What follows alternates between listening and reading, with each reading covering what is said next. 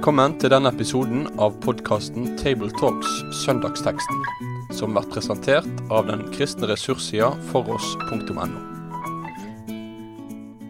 Da vil jeg ønske velkommen til en ny episode i Tabletalks. og Det er grupper fra Rogaland som er samla nå her.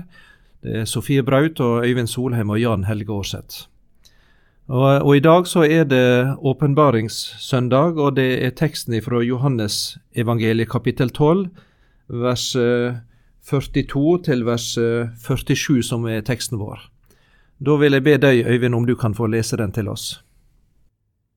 Likevel var det mange som trodde på ham, også rådsherrene, men for fariseernes skyld bekjente de det ikke, for at de ikke skulle bli utstøtt av synagogen, for de ville heller ha ære av mennesker enn ære av Gud.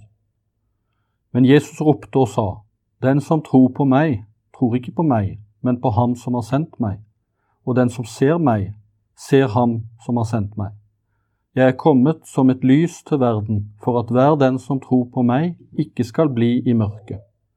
Om noen hører mine ord og ikke tar vare på dem, så dømmer ikke jeg ham, for jeg er ikke kommet for å dømme verden, men for å frelse verden. Ja, her er oss inne da eh, i eh, Jesus eh, sine taler, sine ord her i eh, Jerusalem. Og vi må vel kanskje si noe om denne bibelteksten og litt sammenhengen den står i. Det kan virke for oss i, gruppa når vi satt her, at den er på en måte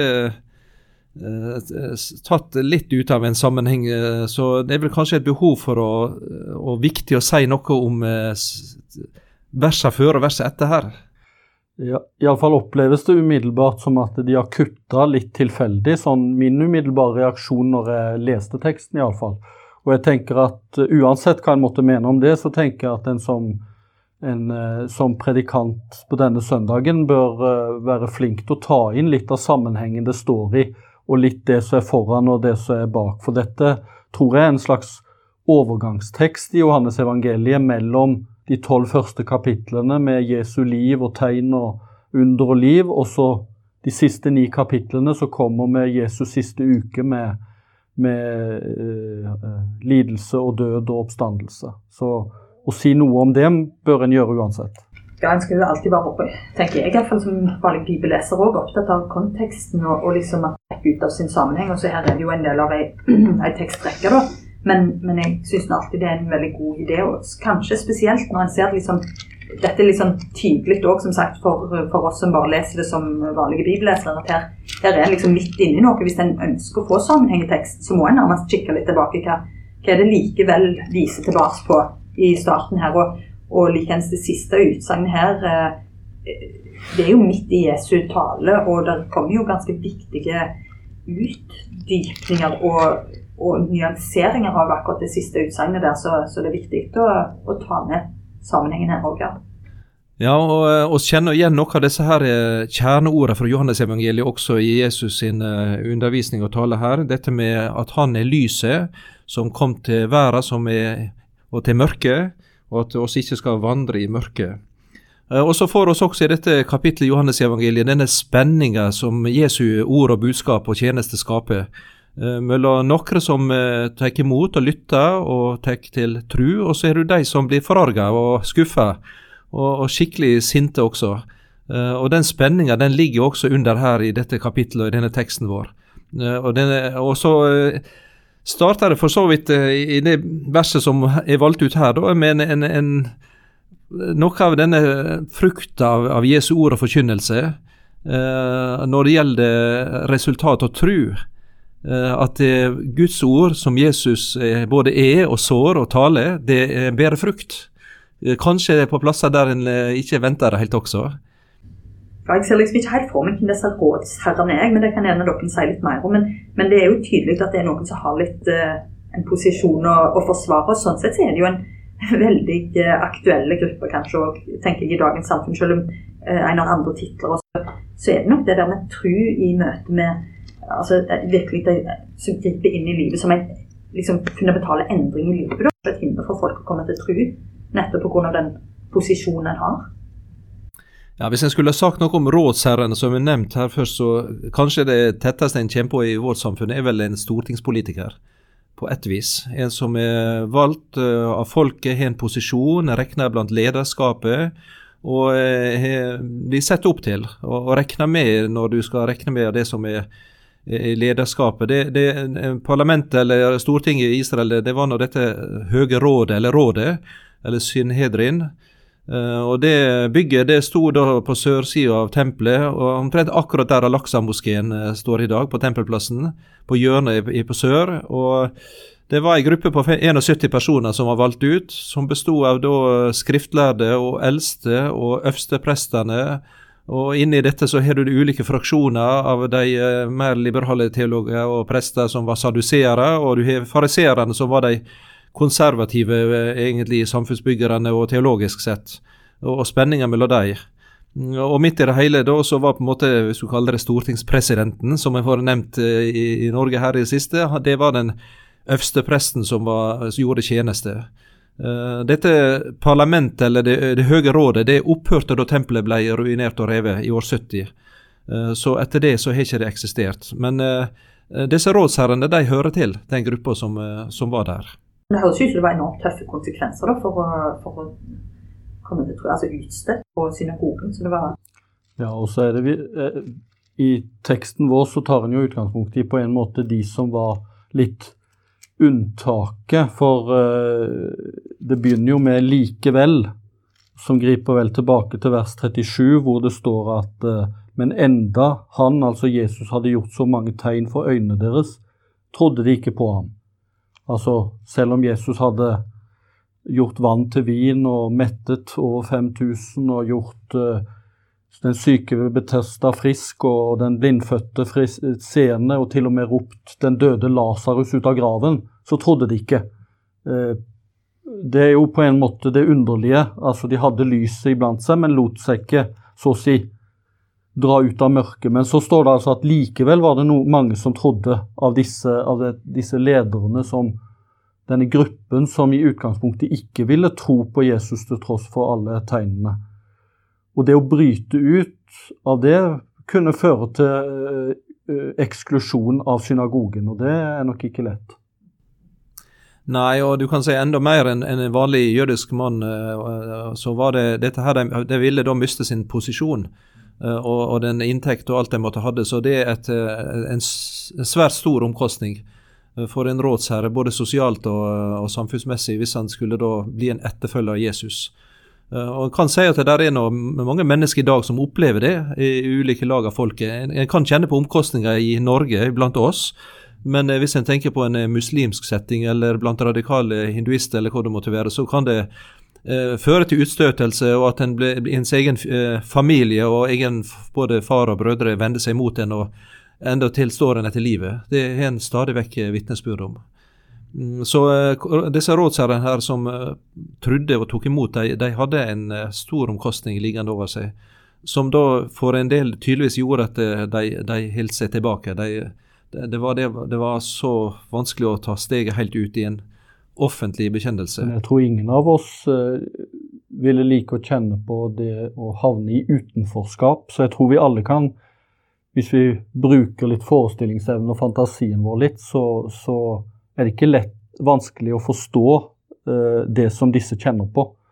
Og vi kan kjenne på de forskjellige eh, grader, tror jeg, i våre egne liv som kristne. At at det er ikke alltid lett å bekjenne troen i alle sammenhenger, nettopp fordi en føler at da havner en utenfor det gode selskap. Og det er ikke noen god opplevelse.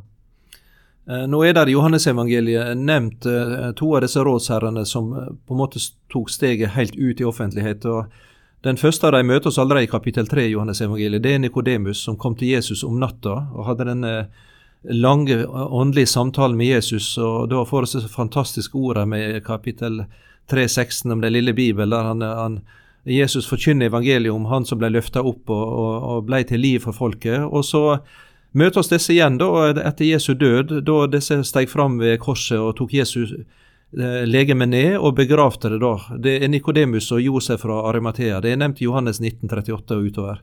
Så, så, det viser seg at de, om de da i en periode hadde vanskelig for på en måte å stå fram offentlig, så tok de likevel steget til slutt. og bekjente gjennom den handling de gjorde med, med Jesu kropp. og og ble en del av, av Jesu følge. Det, det, tror jeg er helt opplagt å se. Ja, men Kommentaren her i, i, vers 43 kan jo virke litt sånn Jeg vet ikke hvordan vi skal lese den. da, De elsker ære for mennesket høyere enn ære for Gud. Det er jo en litt sånn eh, på en måte en litt krass kommentar, men samtidig så er det jo noe eh, en påminning om, om, om, hvor det er å, å elske ære for mennesker og være veldig opptatt av andre mennesker og hva de, hva de syns. Da igjen den aktualiteten som er her i, i Guds ord. Og, og, det gjør det ganske på en måte lett å, å anvende det inn i, i vår sammenheng. Uh, det er noe litt universelt med dette her. Og så kan jeg vel si det at eh, Når det gjelder trua, så er det ikke slik at det er bare på en måte en, en, alt er klinkeklart fra dag nummer én. Fra Jesus sine venner og disipler så ser vi den vandringa de hadde der de med tid og faktisk over år eh, vokste inn i trua på Jesus og, og egentlig fant ut og fikk den fulle, trygge overbevisning og, og, og fant hvilen i evangeliet. Så eh, det kan være at en har ei kjempende tru og ei lengtende tru, og er på en måte et ønske om det. Eh, å følge Jesus, men det er veldig viktig da å ikke slå seg til ro der. Eh, en må søke han og gå nær han og, og bruke alle anledninger på en måte til å bli kjent med han, både i, i ved å høre Guds ord og i bønn og i det kristne fellesskapet, for, for å finne vissheten og, og hvilen i, i Jesu trygge løfte om eh, både tilgivelse og evig liv. Eh, så eh, det er et valg som en må gjøre bevisst, og ikke bare én gang, men faktisk igjen igjen i, et kristen liv slik som en lever i dag. Det var enormt viktig å anerkjenne denne vandringen. Og og på den andre siden så vi, lever jo vi i en tid der folk elsker gråsoner, og, og der ofte mediebildet og sånt handler ofte om at en kan sitte på gjerdet og en kan være en slags tvilstester og nærmest oppmuntre til, til, at det er viktigere bare, bare undring og spørsmål mer enn en svar. Og der, der, føler jeg jo vi blir kraftig utfordra på et vis. Ja, En utfordres vel egentlig her på det hvem er det vi frykter mest, eller hvem er det som er viktigst for oss? Er det andre mennesker, eller er det Gud, skaperen, dommeren, frelseren? Eh, for disse var eh, det viktigere med den ære de kunne få av mennesker, altså det fellesskapet, rådsherren og, altså, Det var viktigere for dem å stå inne med den gjengen enn med Gud. Eh, og, det er jo det som på en måte En kan jo av og til snakke med mennesker som sier at de for så vidt er overbevist om at Jesus er verdens frelser og all, alle de kristne sannheter, men som kan si at men i familien min eller nettverket mitt så, så, så kan jeg ikke liksom ta steget. Eh, og da er det å opp, oppmuntres jo også disse i denne teksten, og av Jesus når han etter hvert roper, altså at eh, å, å, ta steget ut i offentligheten og våge å følge den overbevisning du faktisk er kommet til, den tro som faktisk er, er vokst fram, og ta følgen av den. Ja, og jeg, og jeg synes jeg kanskje, Nå har vi litt ulike bibeloversettelser her, men den som Bibelselskapet har i vers 43 her, der står det 'for de elsker ære fra mennesket høyere enn ære fra Gud'. Eh, så det har noe med kjærligheten å gjøre også. Hvem er jeg mest glad i, egentlig? Og dere vet det både fra et ekteskap og et kjæresteforhold at den du er glad i, vil du gjerne søke å være nær. Eh, så kjærligheten har alltid det tegnet. Hvis ikke så er vel det knapt nok kjærlighet. Hvis det er motsatt, i alle fall. Og så roper vel Jesus da i neste vers på en måte for å lokke ut, eller rope ut, så å si, alle disse som eh, på en måte eh, tror, men ikke våger å ta steget videre, om at det handler tross alt om at å tro på Han som er sendt fra Faderen, Han som er lyset, som vil lokke en ut ifra mørket til sitt underfulle lys. Sånn at på mange måter så handler denne teksten om Jesu sterke oppfordring til å komme til lyset, eller la seg fange inn så å si av lyset. Eh, så en skal få slippe å vandre i mørket. Ja, jeg blatt litt i bibelordboka litt i forkant, akkurat med tanke på at Jesus ropte her. og Det er faktisk litt sjelden i evangeliet at det akkurat står det. Eh, nå står det jo i profetien fra Jesaja 61, som Lukas 4 gjengir, om dette om Herrens ande som er over meg, om en sånn Messias-profetien, der han skal forkynne et godt budskap for fattige og og, og Der står det at han skal eh, sendt meg for å rope ut at fanger skal få fridom og blinde skal få se, og sette undertrykte, fri, og rope ut et nådeår fra Herren. Eh, så det er en profeti som gjelder akkurat Messias' gjerning. Og så ser oss det at han roper noen få ganger. Ved korset roper han 'Min Gud, min Gud, hvorfor har du forlatt meg?' Og han roper ut 'Jeg er fullbrakt', og så ånder han ut. Og så ser vi at når han står ved Lasarus' i grav, så roper han til Lasarus og sier 'Lasarus, kom ut'. Og så likevel så står det utenom det at han står her i Jerusalem Eh, ved tempelet på trappa, kanskje, i Johannes kapittel 7, og her i Johannes kapittel 12, og så roper han ut til folkemengden eh, og innbyr dem. Johannes 7, den som tørster skal komme til meg og drikke. Det er innbydelsen. Og her er innbydelsen også til de eh, som går opp trappene her og, og, vandrer inn av det jødiske folk, og du har disse hedningenes foregård og alt disse her er folkestimlen som samler seg. Han vil at alle skal få høre. Alle må bli nådd og, og, og få innbydelsen. Det er på en måte kanskje et ekko av misjonsoppdraget som kom i, eh, etter hans døde oppstandelse. Ja, og så Det er jo noe underlig med eh, For det, det, utgangspunktet er at det var mange som ikke trodde, til tross for alle de tegn Jesus gjorde. Det er ikke noe automatikk i tydelig at en tror fordi om en, en, en eh, ser sannheten. Eh, og Det er jo det litt underlige sammenhengen her. Jesus, eh, det snakkes om at eh, Siteres fra Jesaja. Altså de skulle se og allikevel ikke se, høre og ikke høre. Og I andre korinterbrev så snakker Paulus om at de, de, ser ikke lyset fra evangeliet, for de er blitt forblindet. Jesus er lyset, og allikevel så ser de ikke lyset. det er noe med å se uten å se og høre uten å høre. Og vi kan kjenne det igjen kanskje i dagliglivet at det å høre er jo ikke alltid eh, like enkelt. For vi, vi, hører jo ikke alltid skikkelig etter. Eh, vi kan snakke om skjermsjalusi fordi folk eh, hører ikke etter fordi de er i skjermene sine. Eh, det er mye som kan forstyrre så å si hørselen og synet. Eh, og det tror jeg på en måte Jesus ser og møter, at folk eh, de forstyrres av så mye at de verken ser eller hører når Han som er lyset, er kommet. Og Det står jo en plass over dette med pass, pass nøye på å puste opp med høyre. Det er mange måter å høre på nettopp det. tenker jeg på, så den forskjellen på høyre og lytte, det som du er inne på der, Eivind. at at å høre ja, det er på en måte lydbølger som driver forbi oss, en stadig strøm, og den er jo veldig sånn påfallende i vår tid. da.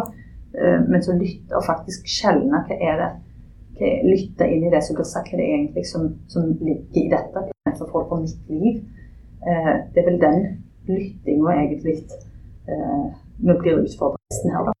Vi har det jo i versene 47 og 48 på en måte om noen hører mine ord. Mm og ikke tar vare på dem, det er den ene siden, eller den som forkaster meg og ikke tar imot mine ord, han er, har den som han dømmer han. Altså, det handler om at når du hører, så, så, er det ikke bare å høre lydene og budskapet i og for seg, men det handler òg om at de må tas vare på, de må tas imot, de må få gjøre sin gjerning. de må få, eh, altså Lyset som kom til verden, må få lov til å så å si, dra oss ut av mørket.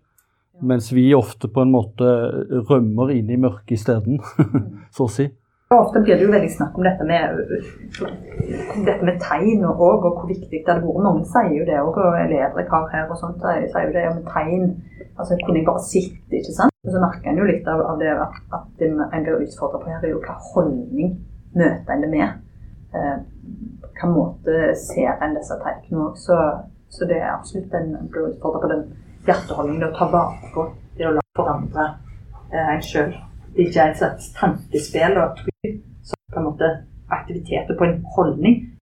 Nå eh, har jeg snakket litt om i gruppa her også dette temaet som går gjennom Johannes-evangeliet, og egentlig gjennom hele Bibelen. Dette med mørke og lys, eh, som Johannes også tar fram eh, fra Jesus sin forkynnelse her.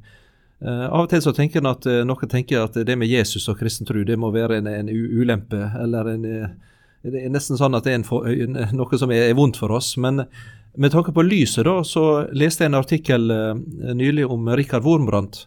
Uh, han var rumensk kristen og prest og jøde, og han uh, ble arrestert og fengsla og, og, torturert etter krigen. Og noe av torturen som han gjennom, måtte gjennomgå, det var at han ble innelåst i ei celle over flere år i stummende mørke, helt uten lys og helt uten lyd. Slik at til og med fangevokterne gikk med filt under skoene for ikke at de skulle høre noe og ikke se noe. For å knekke han og ødelegge hans liv og forstand. Men han overlevde, og forstanden fordi han hadde Guds ord med seg. og han, han, han talte og skrev og memorerte bibelord. Og overlevde og ble en, et stort vitne for hele verden den tida han levde. Men de prøvde å ta lyset fra han. For at han, at, han skulle, at han, skulle, gå til grunne. Og så er avhengig av lys for mennesket, rett og slett for å klare å overleve eh, som menneske. Og det lyset sier Jesus, det inn i mørket der kommer jeg. Det vil være lys for dere. Når Gud sendte Jesus, så tente han lyset så å si, sånn at en skal slippe å vandre i mørket. Jeg kan jo bare til det du sier nå, tenke på den på en måte triste ironien med at mange tenkte jo på at opplysningstida på 1600-tallet at, at da kom liksom Eh, da, da, gikk lyset opp for folk, og en, på en, måte, en del av det var å kaste tru og, og, og, religiøse forestillinger ut. Det er ofte den enkle lærebokvarianten, i alle fall. ikke sant? Og så er det egentlig dette som er den sanne opplysning eh, på veldig mange nivå. Altså Det òg er jo et moment å ta med seg. Og så er det jo, Når, når det snakkes om, om Jesus som lyset, så er det jo i forkant også det som går igjen i hele Johannes evangeliet, dette med at den som møter og ser Jesus, møter og ser Faderen, ser Gud, ser Skaperen. Eh, eh, for den som tror på meg, tror ikke på meg, men på Han som har sendt meg. Og den som ser meg, ser Han som har sendt meg. Eh, og i jødisk kontekst så er det jo veldig sterkt når Jesus sier det, at når dere tror på meg og ser meg, så er det det samme som å tro på, på Faderen, på Han som førte Israel ut av Egypt. Han som Jesaja møtte i, i tempelet, hvor hele tempelet skal, var den tre ganger hellige Gud. Og i den forbindelse, i forkant av teksten vår, så sies det jo òg at Jesaja eh, eh, så hans, altså Jesu herlighet, og talte om han. Altså den de hadde med å gjøre, disse rådsherrene og skriftlærde her, Eh, det var ingen ringere enn han som eh, Jesaja møtte i tempelet, og som eh, Jesaja så herligheten til og talte om. Han talte om Jesus som skulle komme. Og, og, han hadde de altså midt iblant seg. Og så roper Jesus altså 'Den som har sett meg, har sett Faderen'.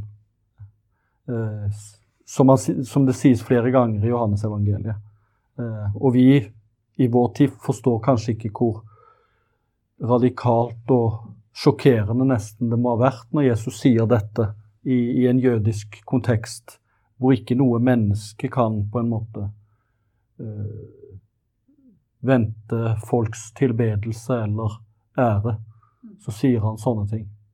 I dagens kontekst så tenker jeg at det ligger jo en, en ganske provoserende implikasjon i vers 46, eh, der at det, ingen, som lyser er kommet til å være, så ingen som tror på meg, skal bli værende i mørket. Altså En forutsetter der at en er faktisk i mørket uten eh, Jesus, som er verdens lys. Eh, og det er jo mange som vil be på en måte tenke over det, kanskje protestere på det, eller synes at det er fornærmende. Ok, dette mørket, eh, det er vel alltid på en fortvilelse og sorg og ja, smerte, synd, det kortkomming, feil. Altså det, det det er jo uendelig mye, mange forskjellige varianter av det her, men, men, noe av det kan være at en kan tenke at ja, verden er eh, på en måte, ja, det er mye mørkt i verden, men at folk liksom lever i mørket uten Jesus, det er jo et ganske sterkt skille som har en sånn, noe litt provoserende med seg òg.